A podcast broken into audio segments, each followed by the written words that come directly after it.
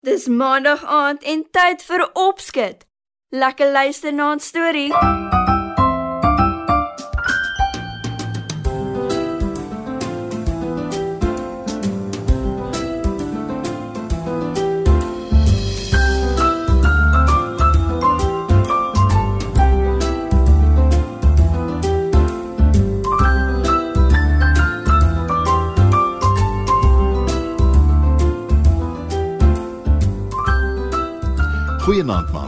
In se storie, Hennetjie Pennetjie, kom 'n rooi hennetjie agter wie haar regte vriende is.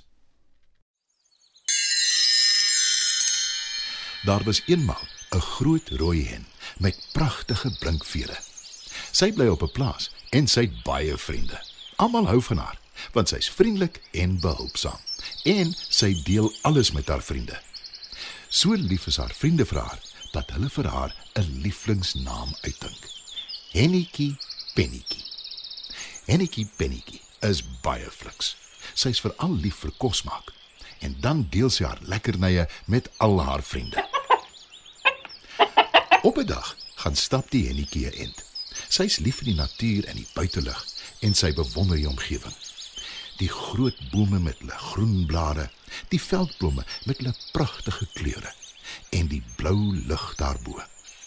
Sy loop nog so en bewonder alles om haar toe sy skielik vassteek. Want voor haar op die grond lê daar 'n klomp graankorrels. Hennetjie Pennetjie kyk rond om te sien wie se dit is. Het iemand dalk per ongeluk die graankorrels laat val? Roep sy. Maar niemand antwoord nie. Niemand nie? Roep sy weer. Sy kan nie glo dat iemand sommer goedsmoeds iets so kosbaar net in die veld sal los nie, Ek sal so baie daarmee kan doen, sê sy. maar dis nie myne nie. Sy kyk weer rond en roep weer.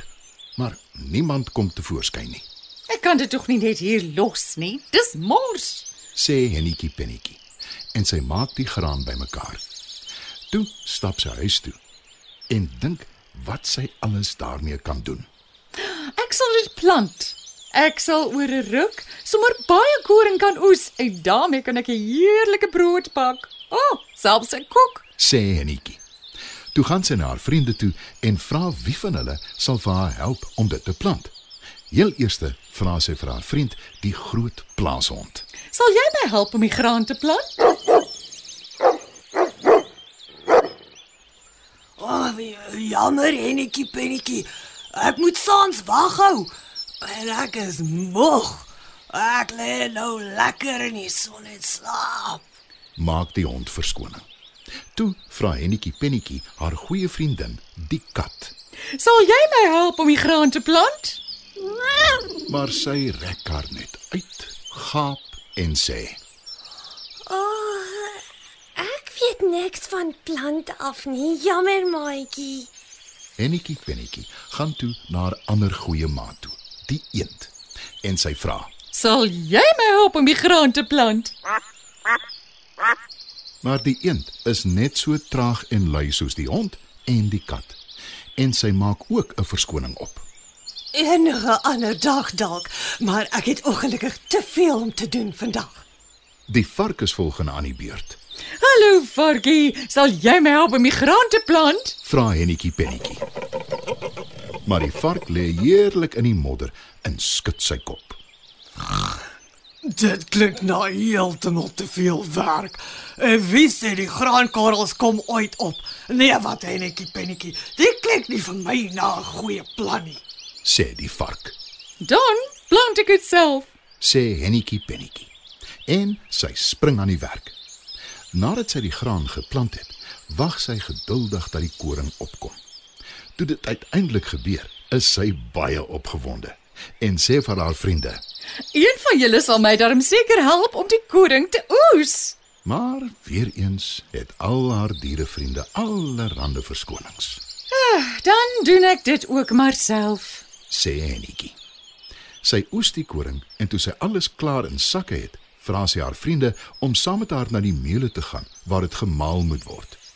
Weer het elke liewe een van hulle 'n flou verskoning. Hennetjie Pennetjie vat toe maar eiehandig die koring na die meule toe om gemaal te word. By die huis aangekom met die meel, wil sy vir oulaas by haar dierevriende weet of hulle haar sal help om die brooddeeg te maak, te knie en om die brood te bak. Maar weer eens is niemand bereid om te help nie. Ek gaan brood bak en 'n heerlike koek. Probeer sy hulle vir oulaas aanspoor, Knie is nie my ding nie. sê die hond. En ek is op 'n dieet.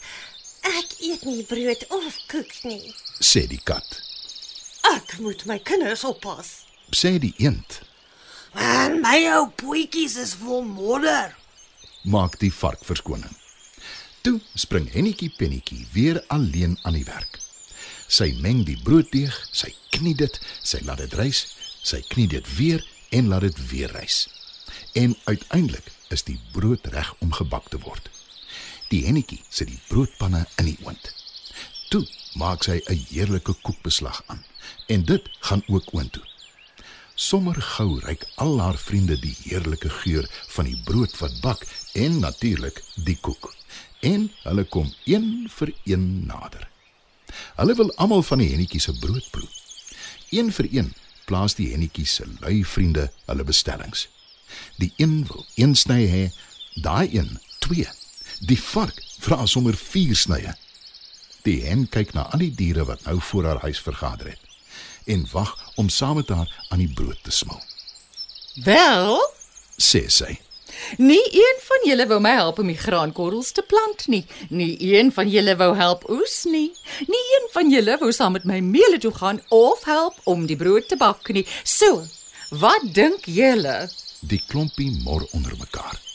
Toe begin hulle weer verskonings maak. Die hen antwoord nie. Sy kyk net kwaai na hulle.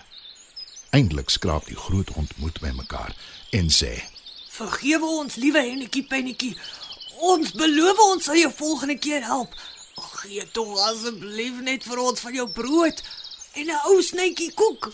Nee, ek het alles alleen gedoen en ek eet alles alleen op. Antwoord Hennetjie Pennetjie. En dis tog seker niks minder as reg nie. Luiheid moenie beloon word nie. Dit was nog 'n opskit storie. Ek hoop julle het lekker geluister, maats. Tot volgende keer.